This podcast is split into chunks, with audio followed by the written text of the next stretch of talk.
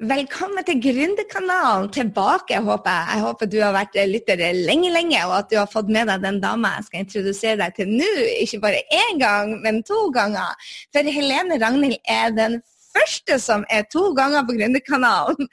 Velkommen tilbake, Helene. Veldig koselig at jeg får lov å komme tilbake.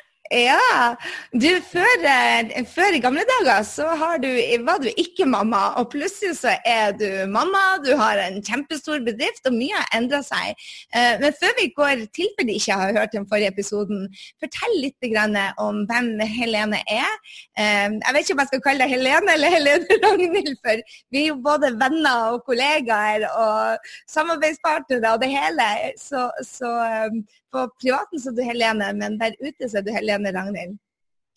Ja, nei, du kan kalle meg Helene. For short. Ja, for short. Uh, ja. Uh, jeg er en uh, ernæringsnerd som får lov å jobbe fulltid med å inspirere andre til bedre helse. Jobbe med 99,9 kvinner, vil jeg si. og ja, få lov til å snakke om det jeg brenner for aller mest, som er næringsrik mat, tarmhelse og uh, hvordan du kan leve ditt beste liv. Ja, så mm. hvordan gjør du det per i dag? Jeg jobber 100 over nett, så ved med hjelp av deg så har jeg jo hatt muligheten til å jobbe hjemmefra i mange år, og jeg har hjulpet tusenvis av kunder og inspirert titusener eh, via blogg, Instagram, Snapchat før og online-kurs. Er der jeg hjelper kunder. Så veldig veldig privilegert med å få lov til å jobbe på den måten. Så en av de tingene som de fleste kjenner deg for, er denne smoothie-guiden din. det er rart å bare ha noen sånn greier som bare henger på. Alle spør meg bare Gry, denne smoothien du snakker om, hvorfor er tak i den? Jeg bare Oi my god, Helene Ragnhild. Fortell, Hvorfor, er, hvorfor syns du dette med næring er så spennende, og hvorfor tror du vi må starte dagen med en smoothie? Ja, min ernæringsreise begynte veldig tidlig. Jeg har alltid vært veldig opptatt av hvor, altså sammenhengen mellom hvordan vi spiser og hvordan vi føler oss. Uh, men så ble jeg også syk som ung og, og ble helt slått ut med, med ME. Og jeg tror veldig på at når vi kjører kroppen for hardt, så er det alle, alle vi har alle våre svakheter, og noe sted slår det ut. Så noen får eh, mer, altså typisk sånn leddplager, noen får utmattelse, noen får ja, hudsykdommer. Det kan liksom være alt. Ofte ligger det i, i, i kroppen, gener, sånne ting. Men eh, når kroppen eh, drives rovdrift bra, så, så, går det på en måte en vei. Man møter veggen da, på et eller annet vis. Og, og, det gjorde jeg også jeg, og da fikk jeg virkelig opp øynene for hvordan jeg kunne bygge opp helsen min via det jeg spiste. Så det har jeg jo fått lov til å dele med mange andre, og sett at det også kan påvirke andre. Så hva vi spiser, det er Jeg pleier å si at man kan ikke putte monopolpenger i banken, og vi kan heller ikke putte tullemat i kroppen og forvente å føle oss bra. Og det tror jeg veldig mange gjør nå. Vi forventer at det skal gå fort minst mulig effort, og at det skal egentlig bare smake som en uh, hvetebolle. Og det skal liksom være ja, null stress. Og, og, likevel så skal vi få superresultater og føle oss, oss kjempefresh ut. Så det er min historie. Vi snakka også om dette, det er litt av det samme det at vi tenker det at um, hvis du har en bil, så vet du det at du putter bensin på en bensinbil og diesel på en mm. dieselbil, og med en gang du um, Ja, veldig mange folk kjører sier at de har ikke tid til å stoppe for å fylle bensin, men mm. vet jo den at en bensin slutter, og da går man jo rett og slett tom. Og det er litt av det samme jeg ser at folk gjør liksom bare Å, jeg har ikke tid til å spise riktig, jeg har ikke tid til å sove, jeg har ikke tid til å meditere har jeg ikke tid til å trene. Og det er som å si hei, jeg, har, jeg kjører så fort, så jeg må bare hoppe over denne bensinstasjonen òg. Ja, og det er jo liksom brutalt, men noen, det er jo et ordtak som sier at de som ikke prioriterer å spise sunt, må etter hvert sette av tid til sykdom. Og eh, det er liksom litt hardt, men det er ofte sånn det er. At det er veldig mange som kommer inn i ernæringsverdenen og blir måte frelst av det, å spise maten vi er skapt for å spise, fordi det rett og slett gå på veggen, bli syke, eh, får en slags krise. Eller at man får det via barn, familie, man liksom har noen nær seg som blir syke. Og det gjør at man begynner å researche og bare Oi, det jeg har puttet i kroppen min, har rett og slett ikke vært bra for den. Nei, og dette, Mange sier at de ikke har tid, inkludert meg. Jeg var veldig der før at hei, jeg har ikke tid til å spise sunt, jeg har ikke tid til å lage mat, jeg har ikke tid til dette. Men da må man betale. Der er, der er en pris å betale, og så er man kanskje, kanskje ikke villig til å betale den prisen når den kommer. Men, mm. men det står jo på veggen det at altså, hvis du putter i deg mannskitt, så får du mannskitt inn, mannskitt ut. Mm. Ja, det er helt sant. Og, og, jeg har faktisk sluttet helt å si at jeg ikke har tid til ting etter at jeg fikk eh, barn. Fordi at jeg merket at da hadde veldig mye mer tid før enn det jeg trodde. Uh, og, og, man tenker liksom at ja, ja, man har ikke tid til det og har ikke tid til å trene, f.eks. Nå sier jeg heller alt dette noe jeg ikke prioriterer. Og jeg er veldig obs på det og sier det til folk også. Du må gjerne si at du ikke prioriterer å spise sunn mat, lage bra mat til barna dine, men vær ærlig og si at det er ting du ikke prioriterer. For du har tid til å se på Farmen kjendis, så har du egentlig tid til å lage mat. Det tar ikke så lang tid, men det er klart at når man gjør ting første gangen, så tar det lengre tid.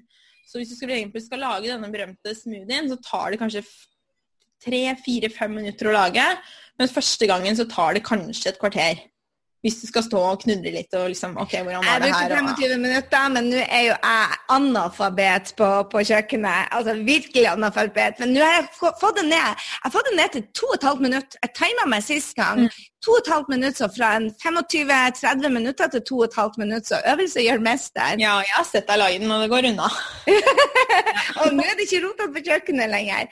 Nei. Eh, det jeg merker det, er det at uh, når jeg starter dagen riktig Jeg spiser ikke før i ti-tida da. Jeg klarer ikke å spise for dem. Jeg tar den um, grønne smoothien. Jeg, jeg, tar de, Stort sett tar de klokken ti om morgenen. Og det gjør det at resten av dagen min så er jeg mer oppmerksom på hva jeg spiser. Mm. Eh, hva tror du det er hvis man gjør sånne enkle endringer? Hvilke fordeler kan man ha ut av det? Mer energi, klarere hjerne, uh, mindre altså brain fog, det at man ikke klarer å tenke klart. Um, når du begynner å spise bra, så vil du merke det er mye lettere for deg å ta gode avgjørelser utover dagen. Det er derfor jeg er så opptatt av å starte dagen riktig. For det er det som måte, setter deg opp for hele dagen og tar riktige avgjørelser. Um, du vil få klarere hud, mer glødende hud. Få gå ned i vekt, uh, få en mage i balanse, gå på do hver dag. Det er så mange fordeler ved å spise sunt, men det som man trenger, er jo bevis på alt man gjør. Og det er uansett om det gjelder jobb eller trening eller være hyggeligere mot mannen sin. Du trenger å på en måte se at det funker, før du blir motivert. Og veldig mange av mine kunder eller folk som skriver til meg, er sånn Ja, jeg skal legge om kosthold, jeg bare venter på å bli motivert, eller venter på å få motivasjon. Akkurat som det er liksom noe som kommer på døra. Sånn hei, hei, her er motivasjonen din, jeg er litt forsinka. Så um, du må på en måte begynne selv, og begynne med det små. og Bare én liten ting, så kan det liksom komme sakte, sakte, sakte, men sikkert. Så, mens noen liker å gå all in. Jeg har alltid vært en sånn person som bare er sånn boom, da skal jeg all in, og alt skal være bra, og jeg bare tar det helt ut. Men uh, man må finne sin metode. Du, du sa litt om dette med å motivasjonen kommer bankende på døra. Eh, eh, jeg, må jo innrømme det at um, dette med å spise riktig det satt langt inne for meg. Fordi at jeg er ikke glad i å stå på kjøkkenet. Men, mm. men, jeg har jo sett det at motivasjon kommer jo virkelig når du ser resultatene. Det er jo Jeg begynte med å putte litt kollagenpulver, som du har sagt til meg så lenge. Putte inn noen sånne, sånne små endringer. Og altså jeg, jeg lurer jo på hvorfor ikke flere gjør det. Fordi at når du ser hvordan huden blir, når du ser hvilken energi du får eh, Mange tuller jo med meg at jeg er altfor en sånn Duracell-bønne. Du trenger ikke mer energi, men, men, det er jo dette med å, å føle seg bra. Men, men, det tar jo litt tid. Akkurat som at når du går på treningssenteret, så ser du ikke ut som uh, Julia Roberts den første uka. Sånn er det jo med maten òg. Det tar tid. Så hvordan mm. får man motivasjon da, hvis man eh, trenger det? Eller begynt med én vane, og så fått mestring. Motivasjon og mestring er egentlig tett, tett bundet sammen. Så det å liksom hvis jeg hadde sagt sånn som for deg, da, som jobber med å hjelpe folk til online-kurs, så er det sånn Bare sett opp det online-kurset, og så går det bra. Og da blir det sånn Jeg klarer ikke det. Men hvis du bare sier, ikke du prøver å si lag en opt-in, og så gjør du det, eller legg ut en Facebook-annonse hvor du har gjort det riktig. Altså begynn med én ting, og begynn med smoothie om morgenen, eller begynn med å endre én ting i middagen din, eller å legge til kollagen, små ting som vil gjøre forskjell. Men det er klart at du vil ikke få en revolusjonert helse av å kun ta et kosttilskudd. Det er flere ting som må på plass. Men da vil du i hvert fall merke at det her går. Jeg klarer det. Det er overkommelig. Mm. Og sånn som for deg, så har jeg jo mast, føler jeg, liksom litt forsiktig. Jeg er veldig dårlig på det å mase på folk rundt meg, fordi jeg mener at de må komme når de er klare. Men Jeg kaller ikke det masing. Det er vennlig spark bak, og det trenger vi. Jeg prøver å være en inspirasjon, også fordi jeg har vært så opptatt av mange som når man kommer inn i næring, så blir man, sånn, man blir sånn Oi, herregud, jeg er så frelst av det. Og ser den effekten det kan ha. Så plutselig er jeg sånn Å, jeg kan hjelpe deg til å få mindre psoriasis, og kanskje du vil ha kvitt det, og kanskje å, vil du ha lyst til å gå ned litt i vekt, jeg hører du klager over det, så plutselig blir man veldig slitsom rundt. Så jeg vil bare være Helene når jeg er rundt med Lykke eller når jeg er med Jon Anders. Men jeg prøver å være en inspirasjon for dem. Og så liksom gjør jeg sånne små ting som å røre inn litt sånn et egg i grøten til Jon Anders om morgenen uten å si noe. uh, og kanskje jeg bruker litt surdeigstarter, og liksom sånn at han permenterer grøten hans litt av sånne ting og så tar sånne små steg, og så prøver jeg kanskje å bruke andre. Det kan også være et kjempebra tips hvis man vil få med flere, for det kan være viktig for motivasjonen å være flere. Bruk en annen person. Jeg har venninner som har sånn prøvd å si til sin mann i alle år, så kanskje de gir en bok eller eh, noe av en annen mann. Da. Kanskje det hjelper, ikke sant? Eller at du måtte kanskje få det fra en andre enn meg. Noen ganger er det litt sånn. Så plutselig bare Å ja, nå har jeg hørt fra den og den og den, og da blir jeg inspirert. Så noen ganger så må man få budskap på flere måter. Ja, det er som ungene òg. Det er ingenting de hører på meg, men plutselig sier Brenn Bashar akkurat det samme. Og bare 'Å gud, jeg føler et geni'. Jeg bare 'What about me?' ja, hva med meg? Du må bare svelge den egotrippen der. Yes. Men uh, det å starte dagen riktig er kjempeviktig. Og, og det med liksom morgenritualet sånn snakker jo du også masse om. Og det kan være litt nett å tenke sånn 'Å, det kan ikke jeg fordi jeg har en baby, jeg står opp med henne om morgenen, og jeg har ikke muligheten til å sitte og meditere' i fred og spise en balansert frokost. Jeg må ha ting som går kjapt. Jeg må gjøre det liksom med henne på armen. og bare finne en ting som gjør at du får en god morgen, og bestemme deg for hvem du vil være. Så hvis du tenker at jeg skal være den som er sunn, liksom identifisere seg litt med det, og fjerne deg sånn sett fra gamle vaner som ikke er bra for deg, mm. så det har også veldig mye å si. fordi energien du legger i handlingene dine, påvirker hvilket resultat du får. Hvis du liksom shotner ned den kollagenen og bare åh, jeg må bare ta den her, liksom, fordi den skal gi meg så fabulous hud, så tviler jeg på at det, det hjelper. Men det er noe med den der å nyte det, og nyte følelsen av å spise sunn mat, og hvordan, hvordan det får deg til å føle deg, det er også veldig viktig for resultatet ditt, mener jeg. Du har siden sist vi um, hadde deg på Grunnkanalen i hvert fall fått Lykke, og hun er blitt et helt år. Vi hører, Beklager hvis uh, lyden til Helene går litt opp og ned, for at uh, mikrofonen hennes justerer seg etter hvor mye Lykke roper på mammaen sin. Så del med meg, Helene, hvordan har gründertilværelsen din endra seg etter du fikk barn?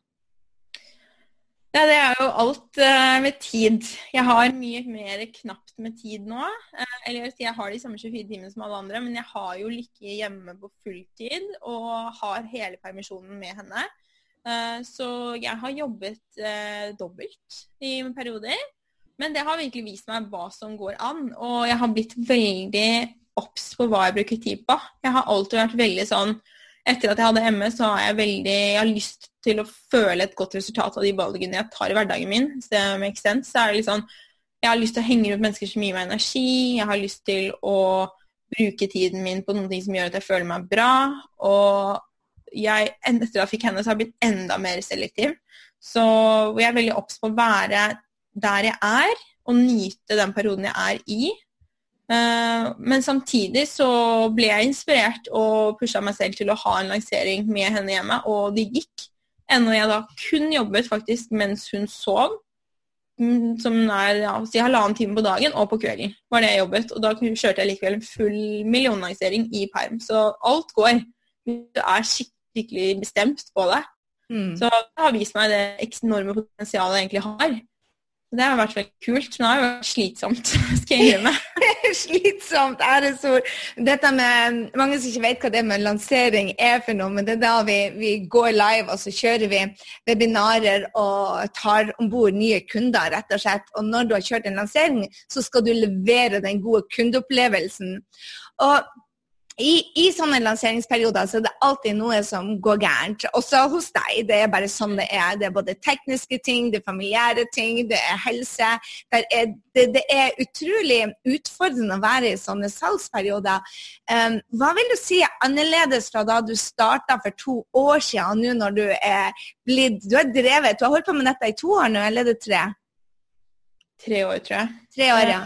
Hva, hva, tenker du annerledes, hva opplever du som annerledes fra å være den nye gründeren som var ute på nett og hadde alle disse? Hva er det som du eh, tar til deg, hva er det du syns er positivt, hva syns du er, er? Siden det ennå er slitsomt, og det vil det faktisk være, jeg har holdt på med dette i ni år. det er Ja, det er klart. Det er som alle andre jobber, fordeler og ulemper. men jeg føler at jeg er mye tryggere i meg selv og mine råd, og det har jeg fått veldig uh, hyggelig og at jeg har fått gode tilbakemeldinger på det. Helt spontant fra mange av de som går kurset nå versus to år siden og da jeg var gravid. At de bare Nå er du så utrolig flink til å lede gruppa. Og har mm. så klare, bestemte meninger og råd. Og jeg klarer å føle lede de veldig bra.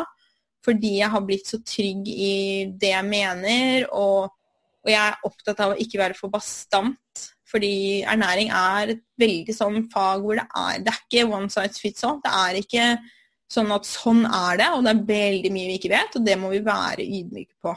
Så jeg, eh, jeg har også aldri kost, kost meg så mye med å holde kurset. Det er så god stemning, og spørretimene er kjempebra. Og jeg får masse spørsmål, men det er veldig mye sånne spørsmål som er gode, og som er gå rundt akkurat liksom, tilrettelegging for ulike personer. Det er, det er liksom ikke sånn her, ikke sant? Det er ikke sånn var en oppfinnet-spørsmål. Det er virkelig sånn og, og, hvis jeg får åpne spørsmål hvor det bare blir sånn Prat litt om det, så sier jeg bare sånn Konkretiser spørsmålet, så kan jeg svare på det. Jeg, jeg blir, så mye tryggere på det, sånn at jeg føler at jeg kan ha det veldig hyggelig i, uh, også i å holde kurset. Jeg har spilt inn noen av modulene på nytt, bare fordi jeg ville det. Det har liksom bare vært så utrolig deilig. Så, og så er jeg veldig sånn av og på i forhold til før, så jeg følte at jeg burde jobbe hele tiden. Nå er jeg sånn Nå er jeg med Lykke, og da er jeg av. Eh, I uh, hvert fall når jeg ikke er i lansering. Da blir det litt mer sånn pes. Men, uh, men, som regel nå så kan jeg være med henne. Og jeg merker også veldig på henne. Jeg tror det er mye av den der stresset mange foreldre opplever. at vi er sånn som jeg følte i starten, at jeg liksom, hadde aldri noe fri. Og da følte jeg jo at jeg liksom alltid ville egentlig Jeg vil være med henne, jeg vil noe annet òg. Mm. Uh, så nå føler jeg at jeg får vært meg, for jobben min er en stor del av det å være meg. Så da får jeg utløp for det og påfyll av det. Og får bygget opp, brukt mer tid på å fylle på min inspirasjon. Så jeg er bare veldig mye mer bevisst på hvordan tankene mine påvirker meg, og jeg har bestemt meg for hvordan jeg vil være. Før spørretimer og sånn også, så har jeg alltid sånn meg i state og bestemmer hvordan jeg skal være på en spørretime. Før jeg skal på denne podkasten, det, er, handler liksom ikke om å bare At jeg bare er. For det tror jeg mange kjenner at følelser De kommer bare mot deg, og, og du har ingen kontroll på hvordan du takler livet ditt. Men det har du jo. Og det er jo alltid positive ting uansett. Så du vet jo veldig altså alt egentlig om mitt liv.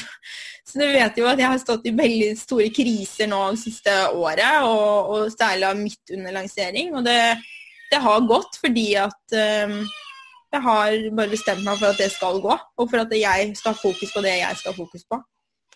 Ja, altså, um, jeg merker jo Jeg har kjent deg nå i to og et halvt år, eller noe sånt. Eh, jeg ser jo det at, at du blir mye sterkere og tryggere som person. Um, hva, hva, tenker du, hva, tenker du, det med å være mamma og, og gründer har gjort med at du har vært i den store endringa?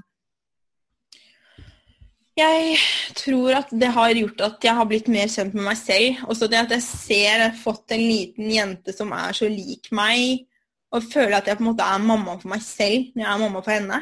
Så det har liksom gjort at jeg tenker på en helt annen måte og gir meg selv litt mer slack. Men også fordi jeg fikk en veldig tøff start på mammatilværelsen. og jeg har tenkt at de, altså før jeg, ble, før jeg fikk henne, så var jeg veldig opptatt av å tilrettelegge alt skulle liksom ha rommet hennes perfekt, og du ser jo nå bak meg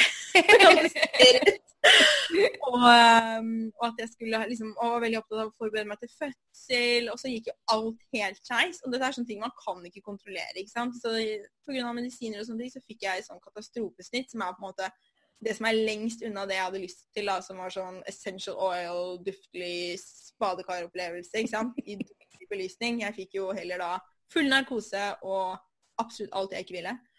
Og så hadde hun, hun har melkeallergi, så hun skreik jo bare hele, hele tiden. Og jeg bare Ja, det ble liksom alt jeg ikke hadde tenkt. Og det har jo vist at jeg liksom Jeg tror jeg skulle lære det at man kan ikke kontrollere alt i livet. Man må fokusere på det du kan kontrollere, og det er egentlig bare deg.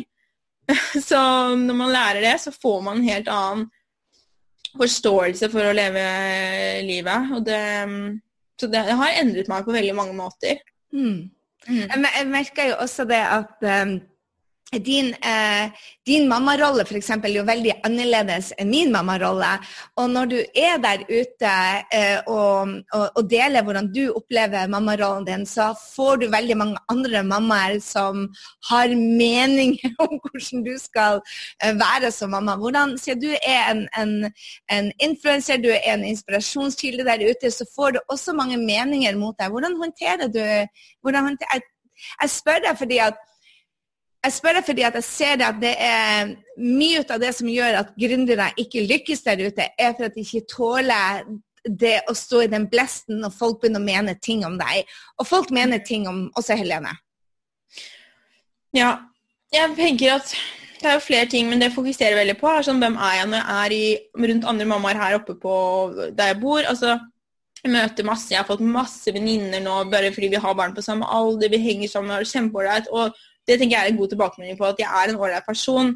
Og jeg kjenner på det i min magefølelse av hva jeg gjør, og at jeg er uh, hyggelig å være sammen med, og tenker på at det er det viktigste. At de nærmest, og at måte, tilbakemeldinger fra Jon Anders, familie, venninner og sånn, det er det viktigste.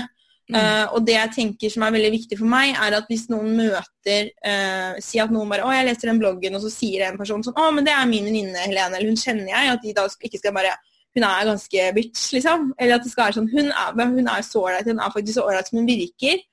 Uh, så det er jo, syns jeg er hyggelig. Men det, det, handler om det, at jeg kjenner inni at liksom, det er det viktigste. Men når det gjelder det å på en måte tørre å si meningen sin, sånn at jeg har veldig sterke meninger Jeg mener f.eks. at det ikke er bra for barn å være veganere. Jeg mener Ikke voksne heller. Jeg mener at det å ikke lage mat til barna sine er uh, noe sånn, en dårlig unnskyldning. Det å skylde på barnet ditt og si at du er grunnen til at ikke jeg rekker å lage mat, det syns jeg er veldig trist. Og jeg, sant, jeg har, dette er jo sterke meninger som provoserer folk, og jeg, masse mer. Jeg mener at Man kan endre sin egen livssituasjon, uh, og at man kan bli frisk av sykdommer ved å behandle kroppen riktig. I hvert fall sammen med medisiner. Uh, og, og, det her er, tenker jeg at Når jeg går inn og skriver sånn type innlegg eller provoserer på den måten, så skal jeg være litt klar for det. Så da jeg først fikk henne, og man er full av hormoner og super liksom, touchy, og man føler at en kommentar fra svigermor kan liksom brenne seg fast, da, så er det ikke da du skal gå ut og bare 'Dette er oppskriften'. Så jeg prøver å være ydmyk i det jeg skriver, samtidig som jeg kan komme med en klar beskjed. Altså, det handler om å liksom, du tråkke på folk.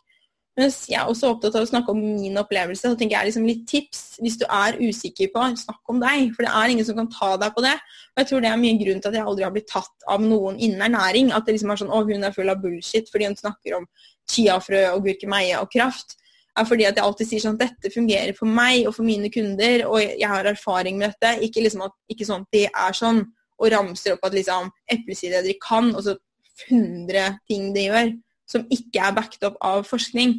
Fordi forskning på ernæring er så vanskelig, så det kan vi på en måte nesten legge bort. Og tenke fokusere heller på hva er det som er mest mulig som naturlig for kroppen å spise.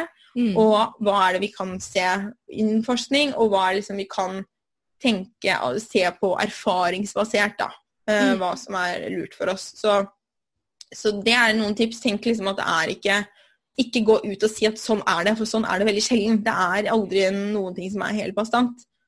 Men uh, vil du provosere, og det var mye kall det flinkere til før det er sånn Hvis du vil komme opp og frem innen nett, så må du tørre å si meningen din. Og du må velge ut ditt publikum. Uh, og jeg sier også det når jeg har webinar og selger kurs.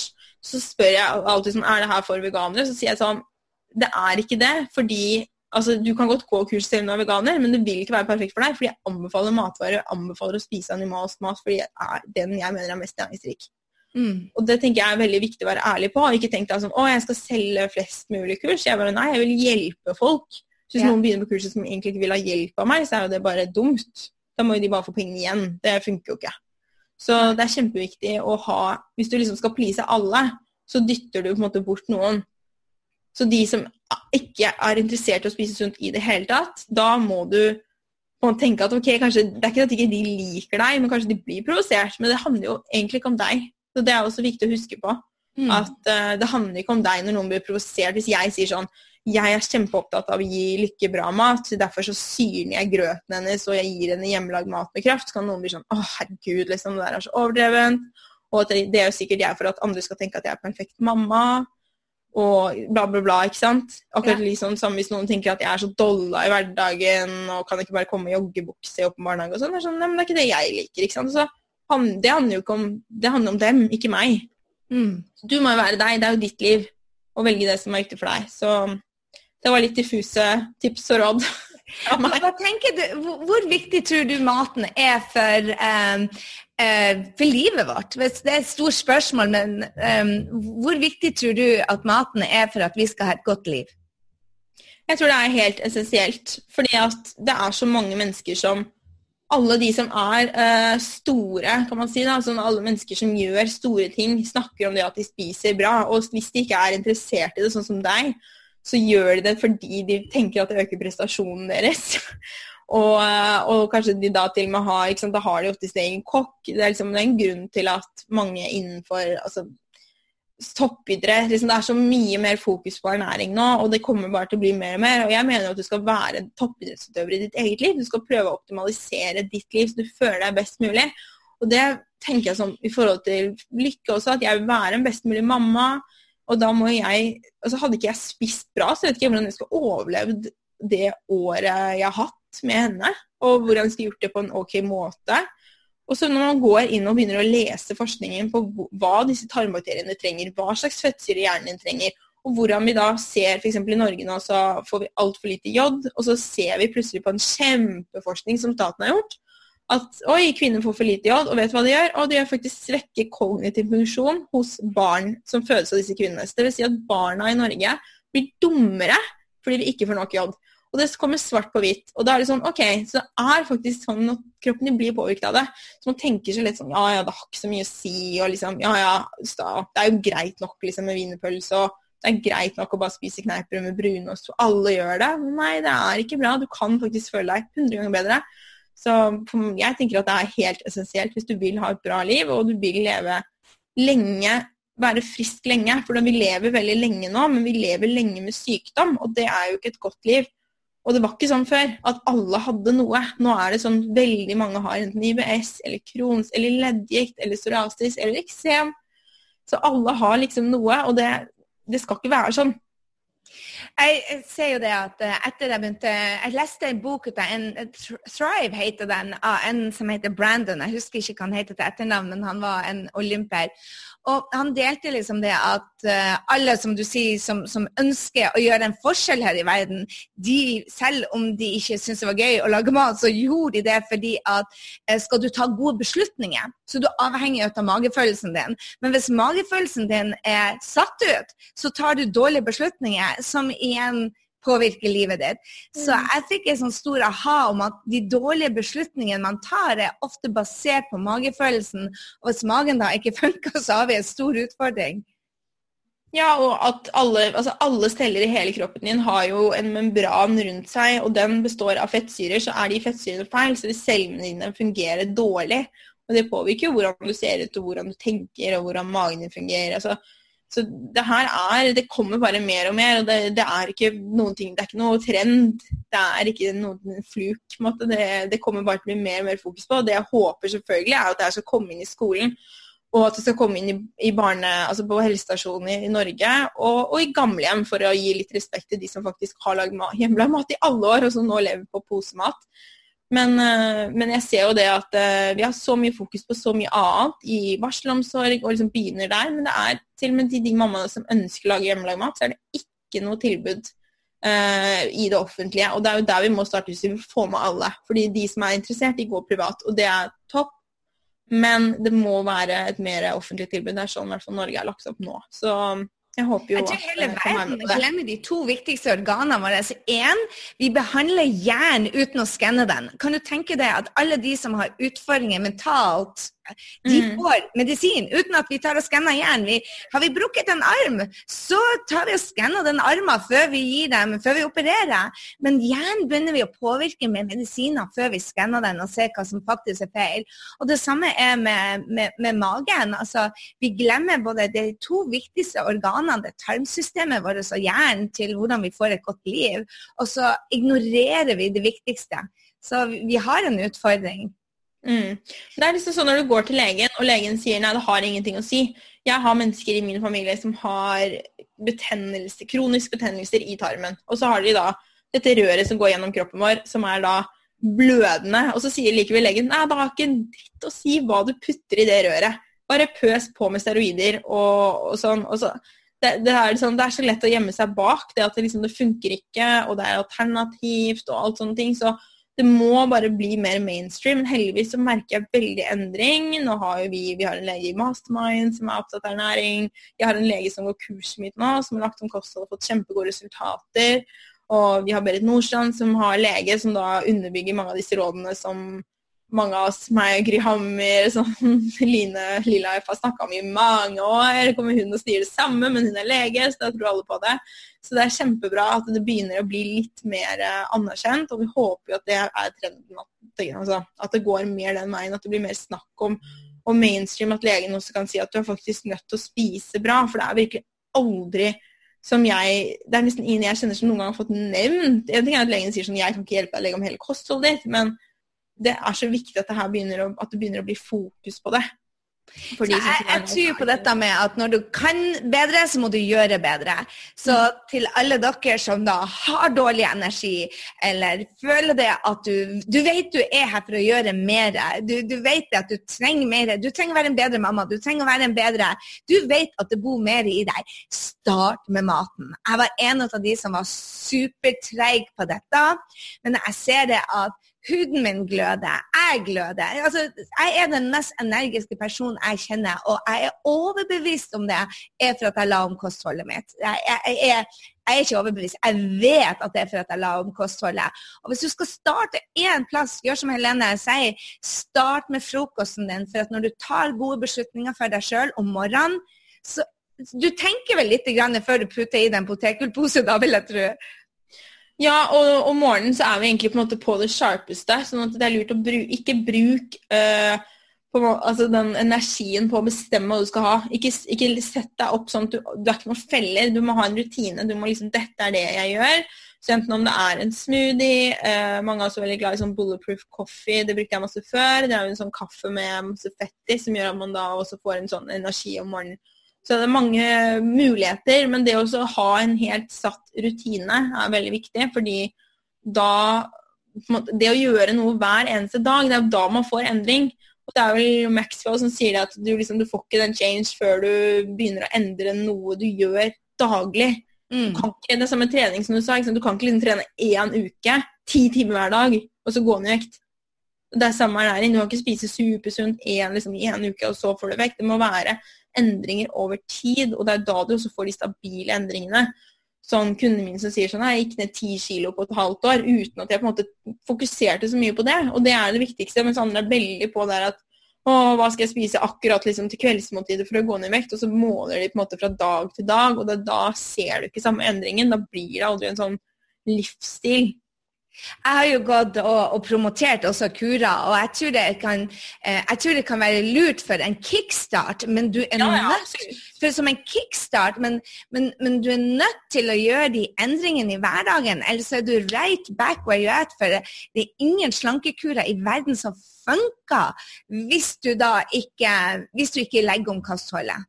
Nei, det som isteden ofte skjer, er at man går ned i vekt, både muskelmasse og fett. Mm. Når vi går ned i muskelmasse, så synker forbrenningen vår. Hvis vi spiser mindre, så synker forbrenningen vår. Så da ender du faktisk opp med at din på en måte, hva skal jeg si, sånn kalori setpoint, da, altså ikke setpoint, men det du da kan spise for å opprettholde energi, den går litt ned. Så når du da går tilbake til å spise mer, som kroppen din vil gjøre, fordi vi er skapt for å spise mat når vi finner mat, særlig søtt. Og det her må vi jo da jobbe mot. Uh, så vil du faktisk gå mer opp i vekt enn du begynte på. Og det er jo den klassiske jordslankingen. Så slanking har faktisk vist i forskning at gjør at man blir feitere. Og det er jo veldig interessant. ja. Så slanke seg, det bør man ikke, men man bør ha en god livsstil og ta gode valg og spise mat som gjør deg mett, som fyller, sånn at du får all energien du trenger og alle mikronæringsstoffene du trenger, og som tar vare på tarmen din, det er viktig for å holde seg slank. Og så må du spise for jevnt blodsukker, så du tar gode valg. Jeg har jo mange jenter eh, som, som henger med oss her på Grønnekanalen. Og en av de tingene som jeg vet at jenter bryr seg om, er hvordan vi ser ut. Men det er jo viktigere hvordan vi føler oss. For vekta betyr jo virkelig ikke noe i det hele tatt hvis du føler deg sabla bra. Så, mm. og, og, mat er jo Det styrer jo følelsene våre, Lene. Mm, absolutt. Både pga. tarmhelsen, og tarmen er jo 70, 80% av kommunikasjonen mellom hjerne og tarm er jo fra tarmen opp. Så tarmen er med og sier hvordan du føler deg, hva du skal spise, og den er med å produsere lykkehormoner. Og, og her, men her også tenker jeg at mindset er kjempeviktig. Det hva du tenker, er sånn du får det. Så du kan se det på en måte som jeg føler jeg tenkt at det å ha en baby gjør at jeg har det så hektisk, jeg har ikke tid til å starte morgenen min riktig. mens jeg tenker mer at jeg har henne, og da må jeg opp, og da får jeg samme rutine hver dag. Jeg kan ta med henne på det. Hun er grunnen til at jeg lager enda mer sunn mat enn før. Fordi at jeg er så opptatt av at hun skal spise bra mat og få det på det, fordi hun har meg som idol. Hun gjør alt jeg gjør, så det at jeg, hun spiser den maten jeg spiser. Og at jeg Ja, det liksom handler bare om å snu det til noe positivt. Mm. Eh, og det å jobbe med det hele tiden rundt mat er også kjempeviktig. Hvis ikke så får man mye sånne rare tanker eller Vi jenter har ofte mye rart. ikke sant, at Istedenfor å spise den ene sjokoladen vi har lyst på, så spiser vi 18 riskaker.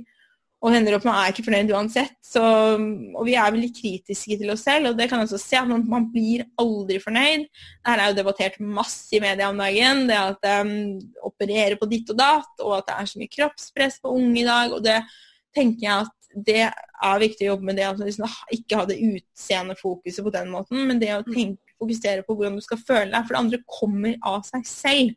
Ja. Fordi at det å ha den selvhatet, det er det som gjør at vi straffer oss selv, vi saboterer oss selv. Og Det er jo både i business og i mat. Det at man ikke tør å egentlig ikke, Det er liksom lettere å bare gjemme seg enn å tørre å gå ut og si sånn Jeg er opptatt av å spise sunt, jeg gjør sånn, jeg liker å trene, og så ikke tenke at andre dømmer deg for det, og tenker sånn Ser ikke sånn ut. Så hva, hva, hva er du excited nå for fremover, Helene? Hva er det du, du ser mest fremover i løpet av dette året? Åh, jeg gleder meg veldig til barnehageplass. Grugleder meg, men det er fordi jeg har så mye jeg har lyst til å dele. Og nå merker jeg at jeg ja, det får den tiden til å jobbe. Og jeg skal effektivt jobbe, sånn at jeg kan ha masse tid med henne også. Uh, jeg gleder meg til vi skal på tur. Uh, jeg skal være alene uh, noen dager. Yes. Og jeg gleder meg til jeg skal holde kurs igjen over sommeren. Det er allerede flere som har skrevet at de vil være med på kurs. Jeg gleder meg masse til det. Og det å bli, ikke bli ferdig med nå, men det å liksom kjøre i havn, det kurset vi har nå. Gjøre det ferdig. Og bare sommer, fint vær i Norge. Så jeg er skikkelig excited om dagen for alt, egentlig. Og livet smiler. Hvor kan vi finne mer ut om smoothieguiden din, for den må folk bare ha. For eh, jeg håper du har tatt med deg 'Dagen må startes riktig'. Og Gry er helt brainwashende. Jeg drar, jeg skal til Los Angeles nå, jeg reiser til Frankrike. Jeg har med meg små poser nå som alle de andre helsefrikene som til det skulle ha. Ja, ja. Det er kjempebra. Eh, du finner dem på heleneragnhild.no smoothieguide. Og det finner du også hvis du er f.eks. på podkasten her, så finner du også den i eh, notatene som er på hver eneste podkast. Der har vi linka til Helene Ragnhild. Tusen takk skal du ha, Helene, for du ville dele med oss. Jeg håper at hun både har inspirert deg og sparka deg litt i ræva. For eh, er det noe vi trenger, så er det spark i ræva. Når vi vet bedre, så må vi gjøre bedre. Mm, det må vi. Lykke til.